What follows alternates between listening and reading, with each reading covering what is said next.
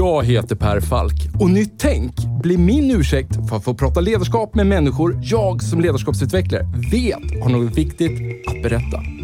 Och med tio avsnitt per säsong, varannan vecka, gräver vi därför ner oss i tekniker, principer och synsätt för att vi ska sätta fingret på vad som kännetecknar det ledarskap vi alla behöver se mer av.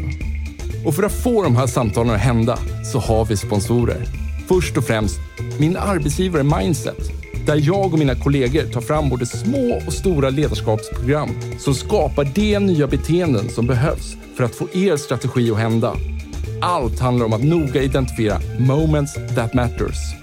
Samt Promote, som är den självklara digitala plattformen för dig som vill skapa effektfulla lärresor och ett mätbart resultat i verksamheten. Och om ni vill ge era nya medarbetare en riktigt bra introduktion med en välkomnande och effektfull onboarding så tycker jag ni ska kontakta superproffsiga Induction. Ni hittar såklart länkar i avsnittsbeskrivningen. Nu hoppar vi in i samtalet. Enjoy!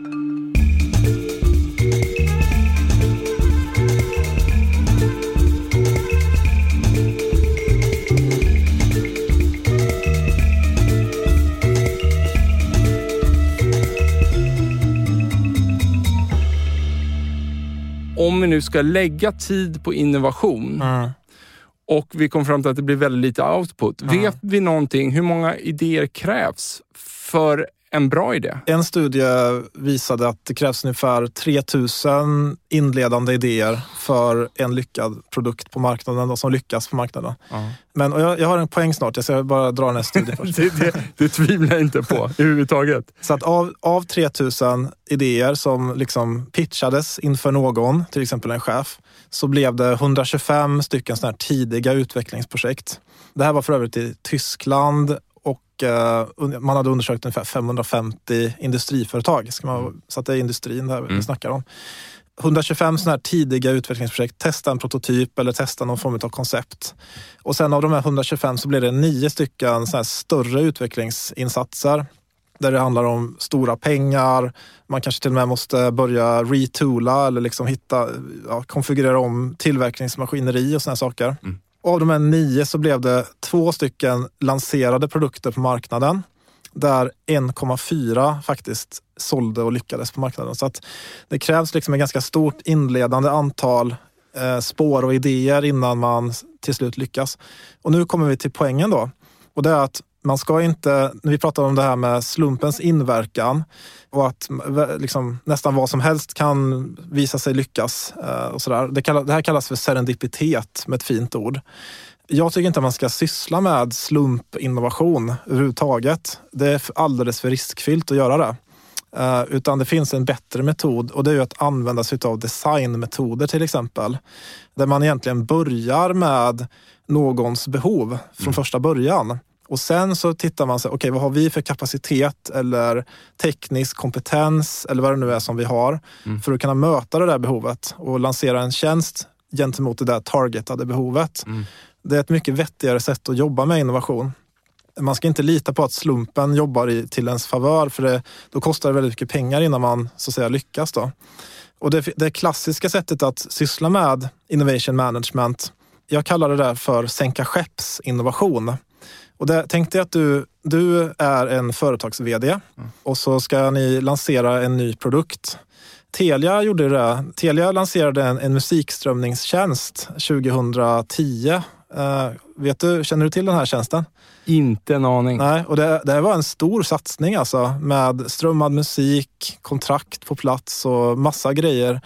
Och E, enda egentliga anledningen till varför jag känner till det är att min mamma fick med, fick med den här tjänsten eh, med sitt Telia-abonnemang då. Så, så tittade jag på, vad fan det här, det här finns ju redan. Det är ju Spotify som alla har också. Liksom. Så att det fanns inget behov av den här tjänsten. Så vad Telia gjorde var, det var att man, man spelade sänka skepp med sina kunder.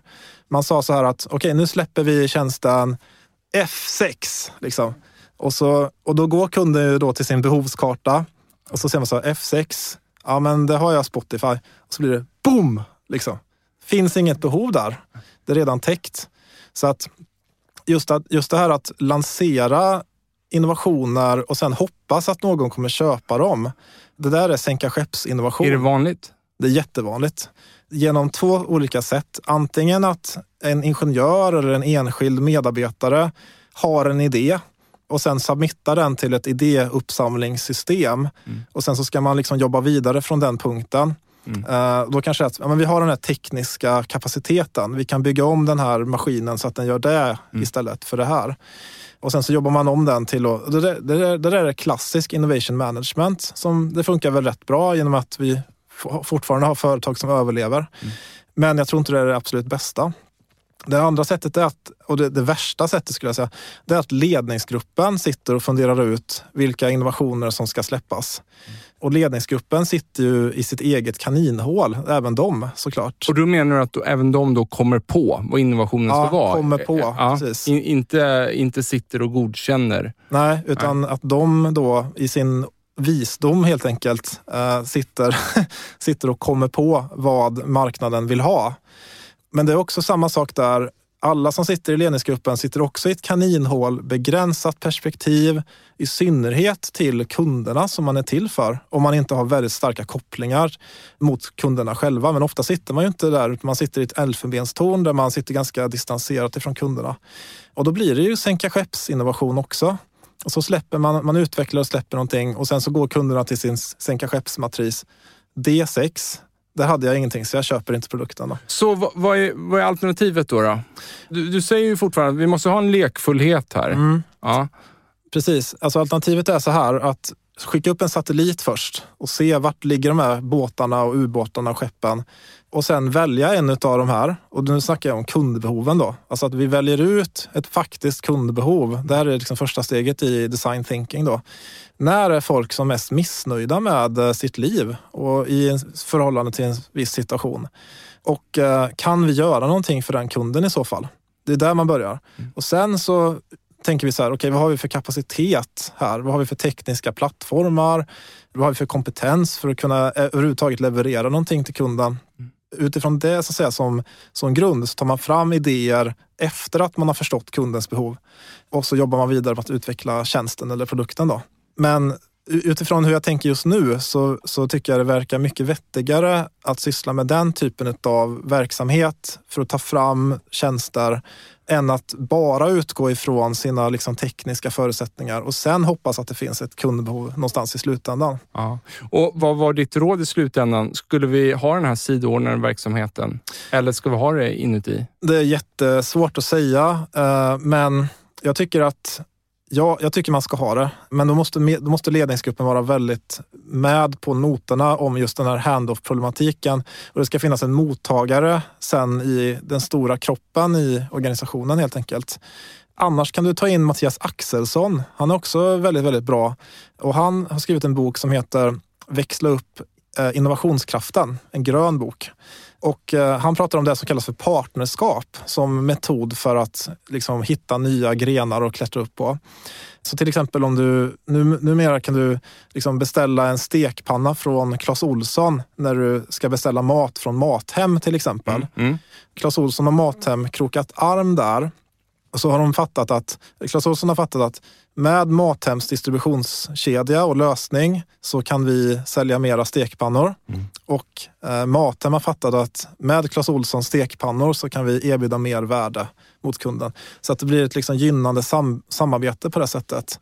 Och Det är också ett väldigt intressant sätt att jobba med innovation.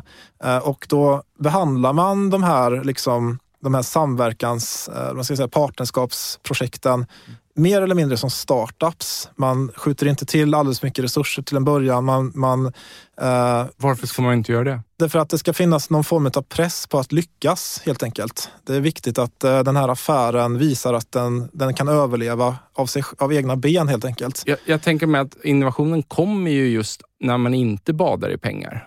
Ja, till exempel. För, för, att då måste man ju hitta ett annat sätt att lösa ja, problemet. Precis. Så att, eh, det är en ganska så frugal, som det heter, alltså en ganska så billig, billigt sätt att jobba med innovation. Och då bygger man upp en, en portfölj av sådana här partnerskapssamarbeten med andra företag som antingen kan komma in med kontakt med kunder eller en ny liksom, marknad eller vad det nu kan vara. Eller en annan kompetensplattform som vi skulle behöva i vår kontakt med kunderna mm. och så vidare. Så att, uh, jag tycker det är intressant. Och det, det där är också ett, ett sätt att jobba med att överbrygga den här liksom, ena handen ska jobba med, med dagens affär och andra ska jobba med morgondagens affär. Men det jag börjar tänka på här är så här, finns det länder som mm. är mer innovativa än andra länder? Ja, alltså i Sverige har vi, har vi mer eller mindre de kulturella förutsättningarna för att vara innovativa, tycker jag. Och även de kompetensmässiga förutsättningarna. Och alltså, grejen är att kompetens, det här är alltså en bortglömd faktor. För alla pratar om liksom, psykologisk trygghet och kultur och grejer nu för tiden. Men kompetens är den absolut viktigaste faktorn. Det går liksom inte att utveckla någonting om man inte har utvecklare till exempel. Mm, så att det är väldigt viktigt att vi har kompetensen på plats. Så att vi, I Sverige har vi byggt upp, liksom, vi har byggt upp eh, ett system med högskolor som är gratis. Vi, vi skifflar igenom folk genom högskolorna så att de bygger upp en bra kompetens. Mm. det en av byggstenarna. Och sen så har vi den här liksom samarbetskulturen som bygger på att många har hög agreeableness helt enkelt. Som gör att vi, vi vill bidra till det gemensamt hela. Eh, vi har ett bra samhällskontrakt, vi har låg korruption. Mm. Uh, så att vi, vi toppar ju liksom, uh, de här listorna kontinuerligt. Vi är etta, två, trea i nästan alla de här mätningarna som sker. Och det har vi varit sedan jag började forska, sedan 2009, så har vi liksom toppat de här listorna som finns över länders till exempel antalet patent per capita, antalet forskare per capita och massa sådana grejer som man väger in i liksom ett lands innovationskapacitet. Okej, så förutsättningarna i Sverige finns? Ja. ja. Finns det i andra länder också? Ja, jag tror det. Alltså, ju, ju större landet är, desto mera, desto större så att säga, i absoluta termer, desto mer folk finns det som kan bli högutbildade. Uh, så att eh, USA till exempel är ett bra exempel på det. De har 200, vad är det, 270 miljoner människor och eh, naturligtvis alla går ju inte på universitetet men tillräckligt många gör det för att kunna liksom bygga upp den här massiva kompetensgrunden som behövs för innovation. Så att, för övrigt så, man tror ju det att Silicon Valley, varför blev, varför blev det så himla framgångsrikt på 90-talet? Jo, därför att mycket kompetens samlades på en relativt i, liten yta. Mm. Och dessutom så, så dels det med kompetensen och dels att de flesta kände varandra också. Så att man, man liksom utbytte kunskaper och erfarenheter och observationer mm. om vad som skulle kunna vara möjligt när man satt på typ samma pizzerior och käkade. Liksom. Och det, det där kallas för tredjeplatsen. Mm. Uh, att man att det, finns, det behövs finnas någon form av utrymme för oss där vi varken är professionella eller hemma, utan vi är avslappnade på något sätt tillsammans med andra och kan prata om saker som rör jobbet. Man får prata om jobb, men man behöver inte prestera någonting. Exakt. Mm. Och ofta, det är ofta där som liksom intressanta insikter kommer fram eller, eller titta, jag, jag snackade med den kunden nu, så här, inte mm. det intressant? Ja, men jag har också hört att eh, folk rör sig i den riktningen och så kan, liksom fattar man lite så kontexten kring. Kan man göra det internt då, i en stor organisation? Kan man liksom framkalla en sån yta? Jag tror att eh, den svenska fikan som institution har varit fantastisk för oss. Eh, men jag, jag har liksom ingen data på det. Men, men just att, att, att fika klockan tio, klockan tre gör att vi kan lösa problem som mm. uppstår under dagen. Och vi får liksom den här viktiga kontextuella förståelsen för vad händer mm. runt omkring vår organisation, vad, händer, vad, vad, pratar kunderna om mm. och liksom alla de här sakerna som är superviktigt. Då. Och det är intressant just nu i liksom distanstider. Mm. Då är det många som pratar om att de inte har, de upplever inte den här typen av liksom tredjeplatsen-samtal eh, längre. Ja, vet vi någonting om innovation kopplat mot distansarbete? Det, det, är ju ja. så, det är ju så, allt är ju så nytt, tänker jag. Liksom. Men... I stort sett så kan man säga att svårighetsgraden ökar på distans. Mm. Uh, och uh, anledningen till det, det finns många skäl till det, men vi kan kanske dela upp dem i två korgar. Dels, dels det sociala och dels det kognitiva. Då. Så det sociala, då är det helt enkelt det är svårare att förstå varandra på distans. Jag, jag, jag, jag förstår inte om det jag nyss har sagt om det tas emot på ett bra sätt. Mm. Om du fattar vad jag säger till exempel och vad, och vad, du tycker om vad jag säger. Det har jag ingen aning om på Nej. distans. Svårare att läsa av varandra. Ja, svårare att läsa av varandra. Mm. Och det där är ju otroligt viktigt för att till exempel fatta beslut. Mm. Hur många är med på beslutet? Och vem reserverar sig då?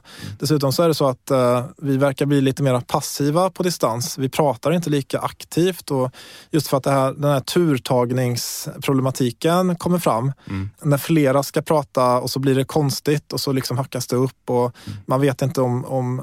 Det finns också så här att jag, jag, vet inte om det jag säger kommer vara relevant. Mm. Uh, så man, man drar sig från att liksom spåna och bara mm. häva ur sig mm. någonting obakat. Och det, så det är den sociala korgen. Mm. Sen i den kognitiva korgen så kan man säga att liksom bra, en, en bra kreativ process det, det, är ju när vi vrider och vänder på saker och ting och försöker förstå dem från olika perspektiv. Och vad har vi missat för någonting? Vilken information missar vi här? Vad, finns det för, vad är det för viktigt som vi kan som skulle kunna omkullkasta hela skiten. Liksom. Det kan vara lagkrav eller liksom mm, kunders, mm. kunders ändrade beteenden. Och det är viktigt att vi liksom vi badar i information när vi ska syssla med kreativt arbete så att vi hittar den bästa vägen framåt. Liksom. Mm. Och det där blir ju svårt på distans i och med att liksom, den sociala trögheten ökar helt enkelt. Mm. Så att jag skulle säga att svårighetsgraden ökar på distans. Man kan, man kan minska den lite med lite så här whiteboard-verktyg och grejer där, man liksom, där alla kan se vad som händer på en yta och sånt mm. där. Absolut. Men min, det jag brukar säga nu för tiden när jag föreläser om det här, det är att Vet ni vad ni ska göra? Det är klart för alla och man ungefär vet vad man ska göra. Då funkar distans väldigt bra. För då kan man jobba på och så kan man ha avstämningar och så liksom grejer och sånt där. När man inte vet vad man ska göra, då ska man in till kontoret. För då är det, det är bara mycket enklare att komma överens och liksom fatta beslut eh, när vi ses. Liksom. Exakt, så det kanske i framtiden att vi blir lite mer medvetna om vilka möten ska vi ha fysiskt och vilka ska vi ha virtuellt. Ja, precis. precis. Inte bara dra allt över samma kam. Jag, jag, tror att det här kommer lösa sig. Jag tror att folk fattar det här mer eller mindre intuitivt. Ja, men det tror jag också. Ja. Alltså så här, det, det, är bara ett nytt jämviktsläge som måste infinna sig. Liksom. Ja, precis, precis. Så det är möjligt att liksom framtidens kontor blir att vi kommer in och kör lite mera alltså så här, avstämningar och möten och kollar av och kanske fattar beslut och, eller ändrar riktning, vad det nu kan vara. Och, eh, och framförallt tredjeplatsen då mm. fixar vi på kontoret. Men att vi kan sen gå därifrån och så vet vi ungefär vad vi ska göra och så kan man liksom jobba på. Angående Big Five där, så här, mm. vad, vad vet vi om, en kreativa, om kreativa medarbetare? Vad, hur, hur är de? Hög openness to experience. Det är det, det, är det, det draget som korrelerar mest med kreativitet. Mm. Just därför att man, eh, har man hög då är man liksom nyfiken på nya erfarenheter. Mm. Man äh, väljer kanske nya semestermål eller nya pizzor på menyn. Liksom, så att man vill berika sig själv. Och äh, det är av, av två anledningar så är det viktigt för kreativitet. Dels att man bygger upp kunskap över sitt liv och liksom är intresserad av att förstå mer av sin omvärld och bredda det här kaninhålet lite. Och då leder ju det fram till bättre beslut helt enkelt. Mm. Det är det som är grejen med min metafor om kaninhålet. Mm. Att sitter vi och är begränsade i vårt perspektiv så får vi begränsade idéer. Det är för övrigt en myt det här med att vem som helst kan ha en kanonidé. Utan så är det bara inte. Liksom, vi måste ha kunskaperna på plats. Annars så får vi naiva idéer helt enkelt. Mm. Så att eh, de som har hög... Så du ska vara lite av en expert då? Ja, verkligen. Och eh, nyfiken? Ja, expert och nyfiken, men också hög openness to experience. Om man är expert och konservativt lagd, mm. då blir man ju snarare den här typen av dogmatiken istället, som liksom tror på ett spår hela tiden. Kommer det med något dåligt på köpet hos den här kreativa ja, medarbetaren? De, alltså, man tittar på kreativa innovatörers liksom, beteenden. Så de är till exempel inte särskilt eh, flockföljande som, eh, som alla andra är. Utan de är lite mera ensamvargar kan de vara. De är riktigt bra. Man har till exempel tittat på kockar. De bästa kockarna de drar sig undan. Liksom. De, de vill inte vara med i någon kock-community liksom, utan de kör mera sitt eget race. Vad är eh, drivkraften till det tror du? Jag vet faktiskt inte varför det är så, men man måste på ett sätt det, alltså det är ju en, det är en, en svår balansgång på ett sätt för en, en riktig kreatör eller intraprenör eller vad man ska säga. Mm. Att på e, å ena sidan så ska jag vara så pass liksom team och samarbetsinriktad och vilja samarbeta med andra mm. för att kunna få någonting gjort liksom, med mina idéer. Men samtidigt så ska jag vara tillräckligt jobbig och oliktänkande så att jag inte fastnar i majoritetens liksom, mainstream-tankar och idéer kring saker och ting. Så den balansgången är ju, är ju intressant på det sättet.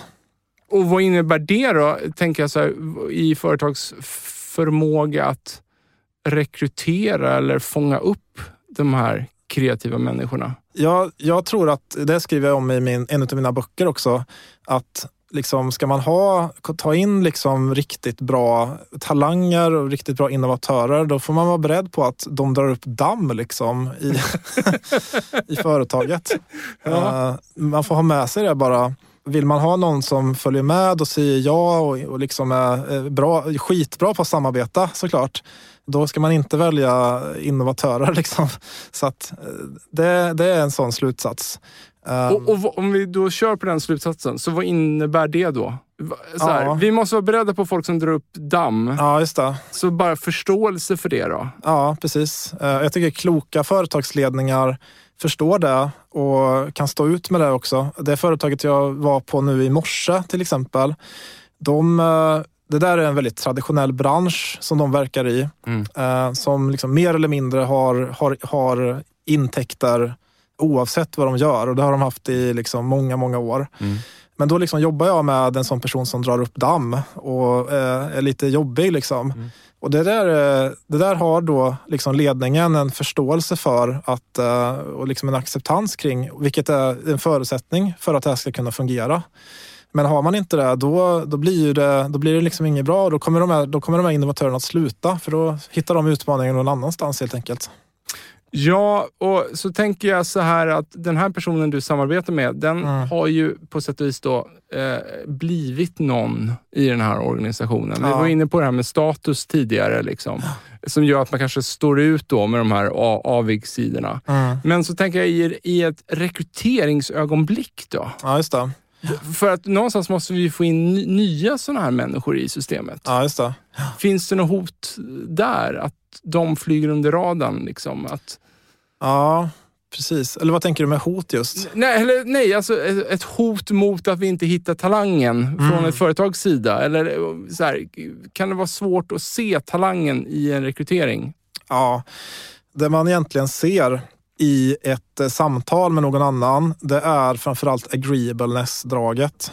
Alltså någons liksom, vilja att eh, samarbeta, hur otaggig eller taggig den personen är. Mm. Uh, hur, hur lätt det går att kommunicera smidigt och, och liksom kom, vara på samma bana med den personen. Det är agreeableness-draget. Då.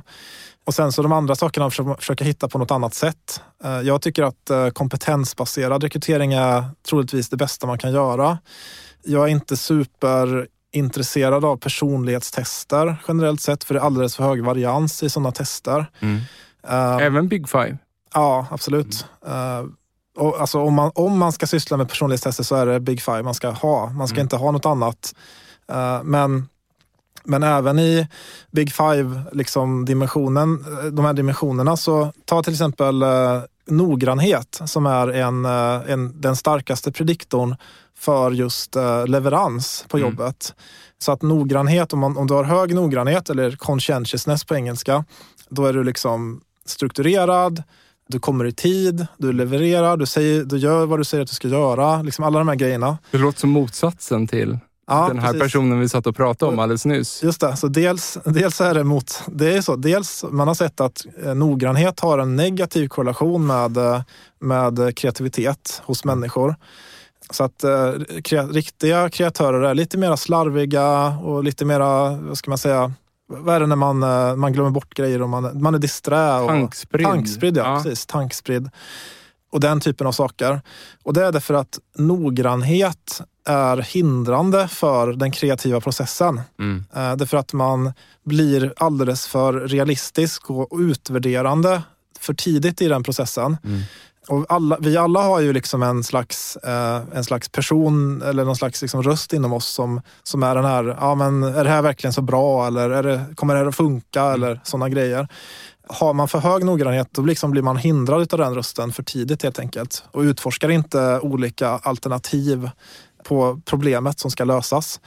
Men eh, så av den anledningen så finns det liksom en slags dilemma i, liksom så här, ska vi släppa in innovatörer eh, som drar upp damm och eh, inte håller sig till reglerna lika mycket och sådana grejer. Liksom. Det känns otroligt viktigt att man i en stor organisation någonstans jag tänker um, de kanske behöver, när de är på en lite lägre nivå, ja. precis kommit in, så behöver de kanske någon hand på axeln då från en mer ja. senior sån liknande person. Ja, som också kan mentorera dem lite, att dra upp lite mindre damm eller, alltså, eh, ja. alltså, eller så här, dra upp damm i rätt ögonblick. Ja, helt det, enkelt. det tror jag med. Det tror jag med.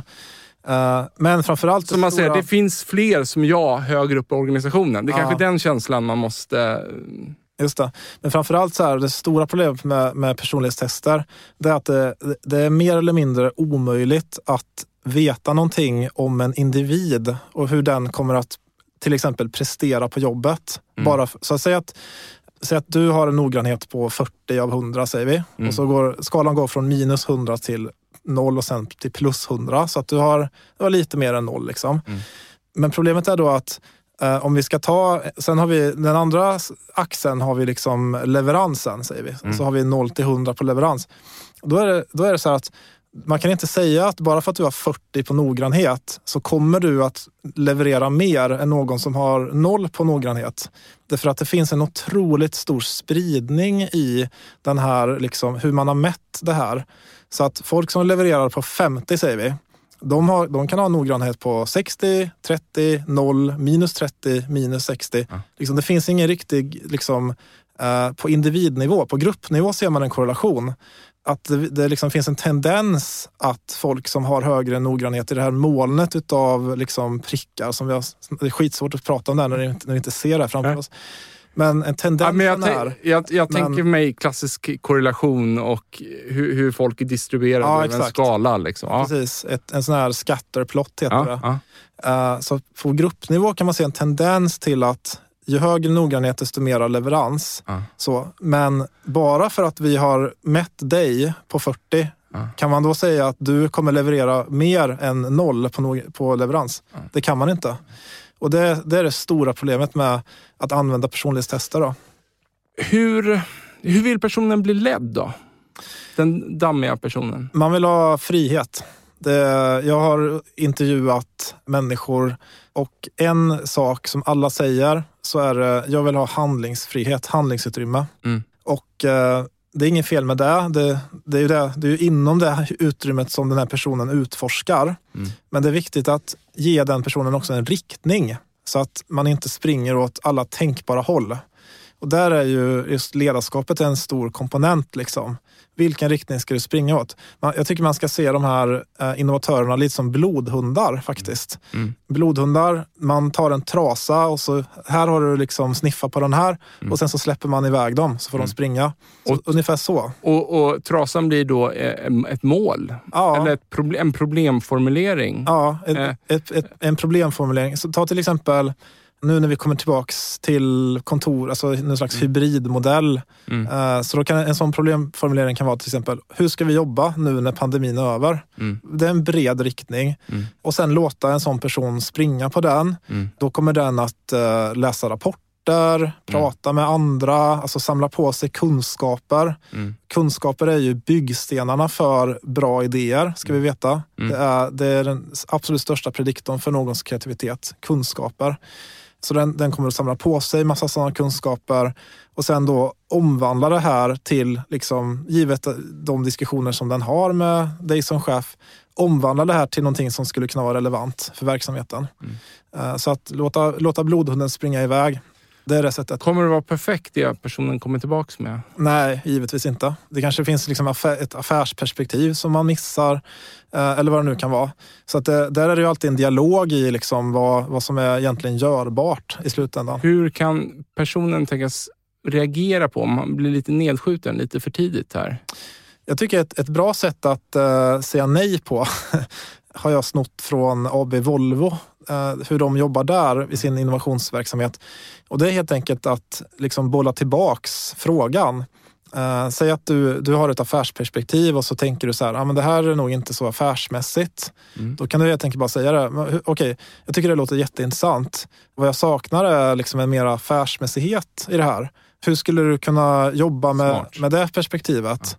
Ja. Uh, så att du inte säger nej bara rakt av utan ja. att du bollar tillbaks och så då kanske den här personen, ja just det fan, det, det kanske jag har glömt och så, och så får springa vidare lite mer. Mm. Så det är ett väldigt bra sätt att säga nej på, eller nej, men ja, något liknande.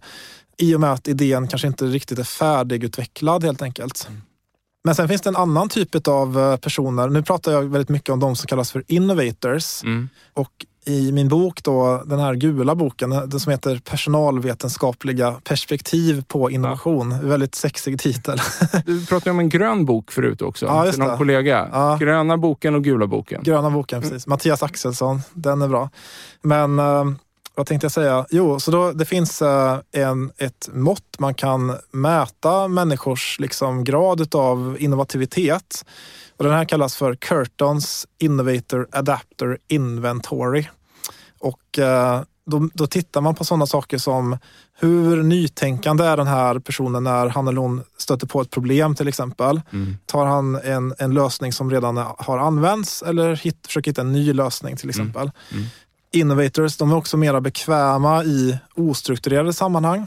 Gillar att ha den friheten när det inte finns strukturer som så att säga hindrar dem. Mm. Medan de här andra adapters, de är sådana som gillar strukturer. Mm. Och, och de blir obekväma när det inte är strukturer, när det är för mycket frihet.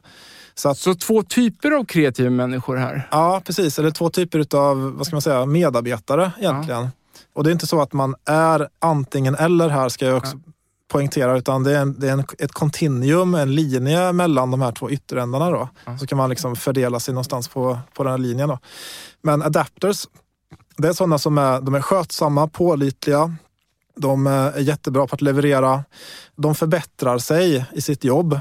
Medan innovators vill förnya sig och kanske göra nya saker och arbetsuppgifter. Så adapters vill liksom förbättra sig, bli ännu bättre på sitt nuvarande yrke och sådär.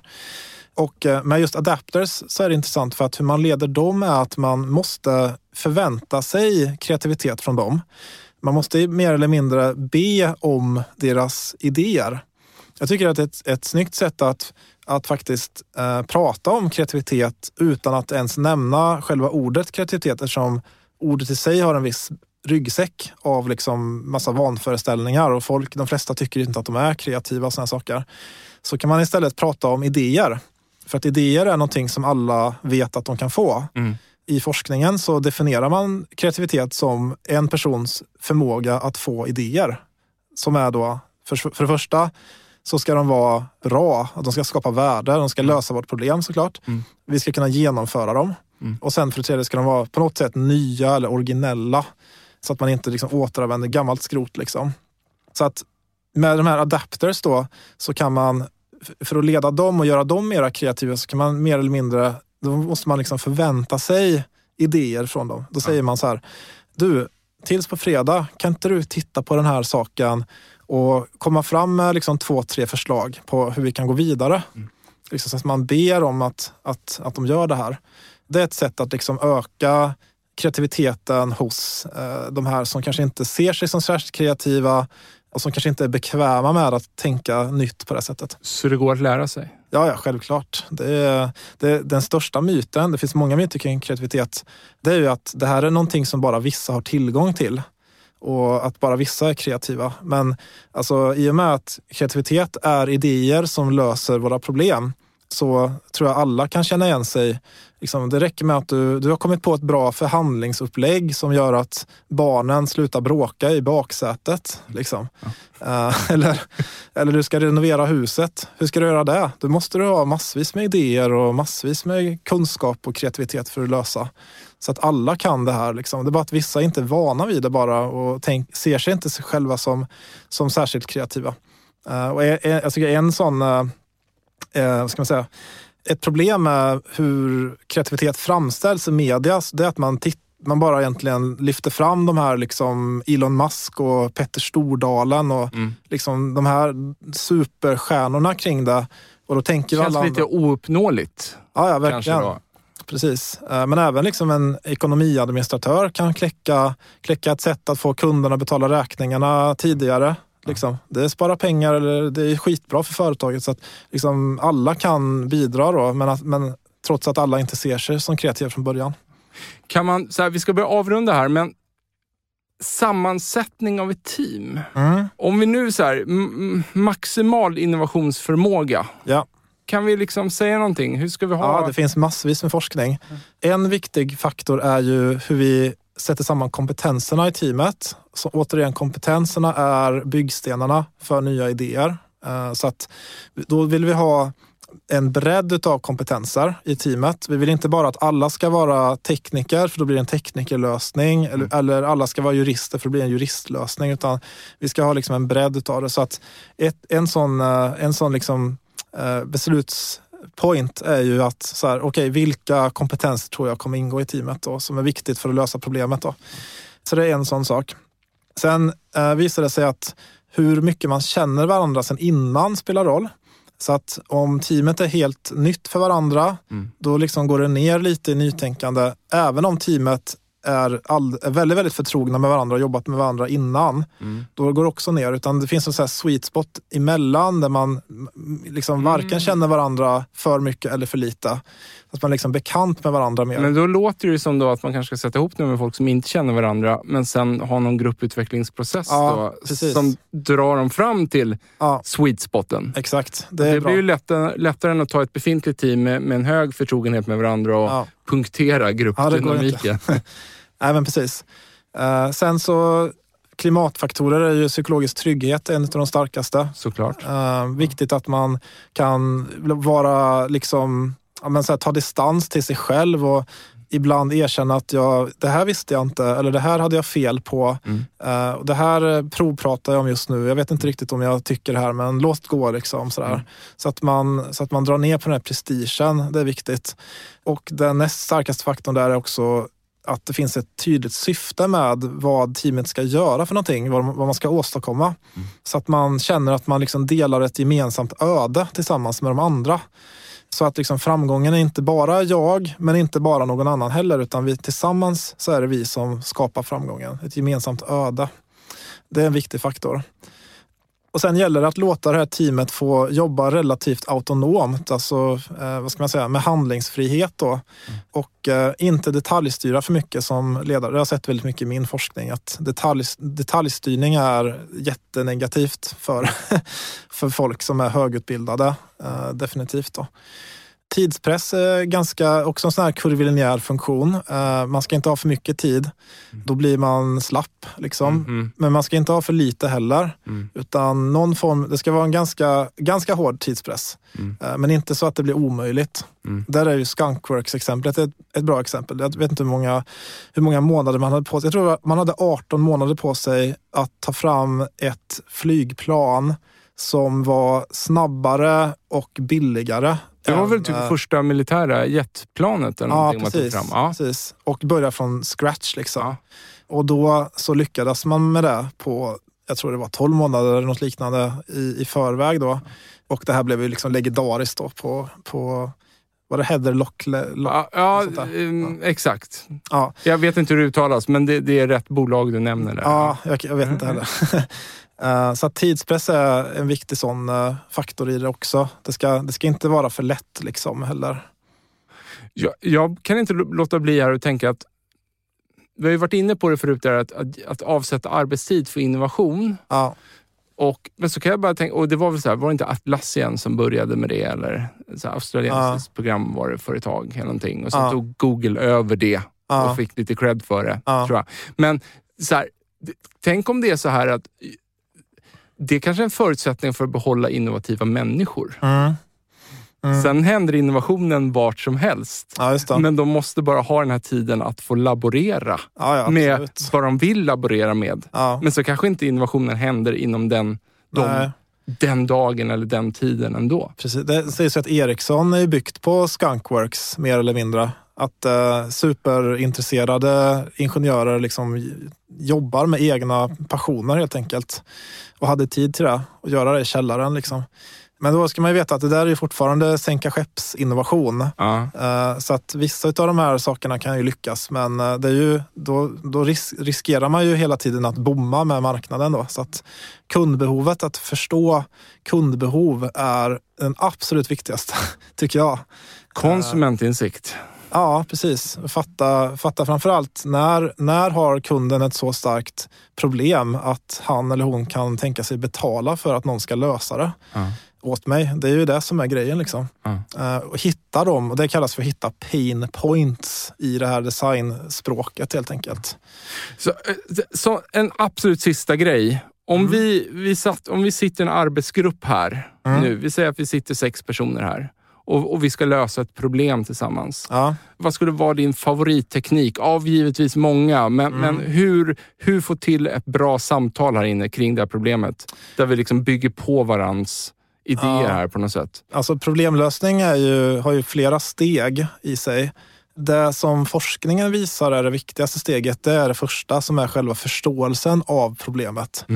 Och tyvärr så är det många grupper som bara sätter sig ner och kläcker idéer det första de gör. Eh, Klassisk brainstorming. Det, ja, precis. Och, Jag hatar att brainstorma själv. ja, jag, jag tycker det är värdelöst. Nej, jag, jag, jag kan inte. Jag måste sitta Okej. själv. Jag måste Det- sitta själv och göra det. Ja, just det. Så här, ja. då, då kan jag göra det, eh, men jag kan inte sitta i grupp och göra det. Nej, det är ju alltså det är många som kommer in på såna här brainstorming workshops. Så är det någon konsult då som ska, som, och så fattar man inte, vad, vadå, vad ska jag egentligen få idéer kring? Jag fattar liksom inte. Och då blir ju de idéerna man får väldigt eh, liksom översiktliga eller liksom självklara på ett sätt. Ja. Och så man kan liksom utvärdera den där processen på hur många liksom generella liksom, mera översiktliga idéer som folk har. Ja. I alla fall, tillbaka till det här med problemlösning. Då. Så Ja. det, det viktigaste är för att kunna lösa ett problem, det är att vi förstår vad det handlar om. Ja, Eh, Så då skulle jag framförallt börja med att var och en får berätta om sin förståelse för problemet. En runda och sen så skulle jag vilja fortsätta den rundan med vad är det jag fortfarande inte förstår med, om problemet. Alltså vilken information skulle jag vilja ha smart. för att förstå problemet bättre. Så samlar vi på oss en lista över den informationen och då blir ju nästa steg att ta reda på den informationen. Då kan det handla om vad är egentligen lagutrymmet? Vad är egentligen kundbehovet? Det kanske vi saknar information om. Vad det nu kan vara. Så, va? Mm. Och så samlar vi på oss den informationen och så jobbar vi med att förstå problemet bättre. Och, och, och ofta så blir själva nästa steg i processen, alltså att hitta lösningen, ta fram lösningar, den blir liksom hundra gånger snabbare om man faktiskt fattar problemet från början. Eh, så att en sån här liksom, en grej som jag tycker är att känner man att man har kört fast i en, i en problemlösningsprocess, det kan vara ett utvecklingsprojekt eller ett samverkansprojekt eller vad det nu kan vara. Gå tillbaks till vad är egentligen problemställningen som vi ska lösa här och försöka backa dit. Då kommer man vidare. Superbra. Så här, vi måste bryta. Det Ja. känns som vi hade kunnat sitta i dubbla, dubbla tiden här. Ja, du kanske får komma tillbaka en annan gång. Det gör jag jättegärna. Ja. Du, ja, så här, så här, supertack. Vi lägger in en länk till boken Personalvetenskapliga perspektivet på innovation. Och så lägger vi in en länk till Youtube-filmen du nämnde också här. Just det, precis. Mm. Stort tack för att du kom. Tack Per. Fan vilken jävla drömgäst du är. Alltså? Du, ja, men du, du, klock, ja, men, du är klockren. Hörni, tack till våra sponsorer Mindset, Promote samt Induction för att ni tror på den här produktionen. Ta hand om er.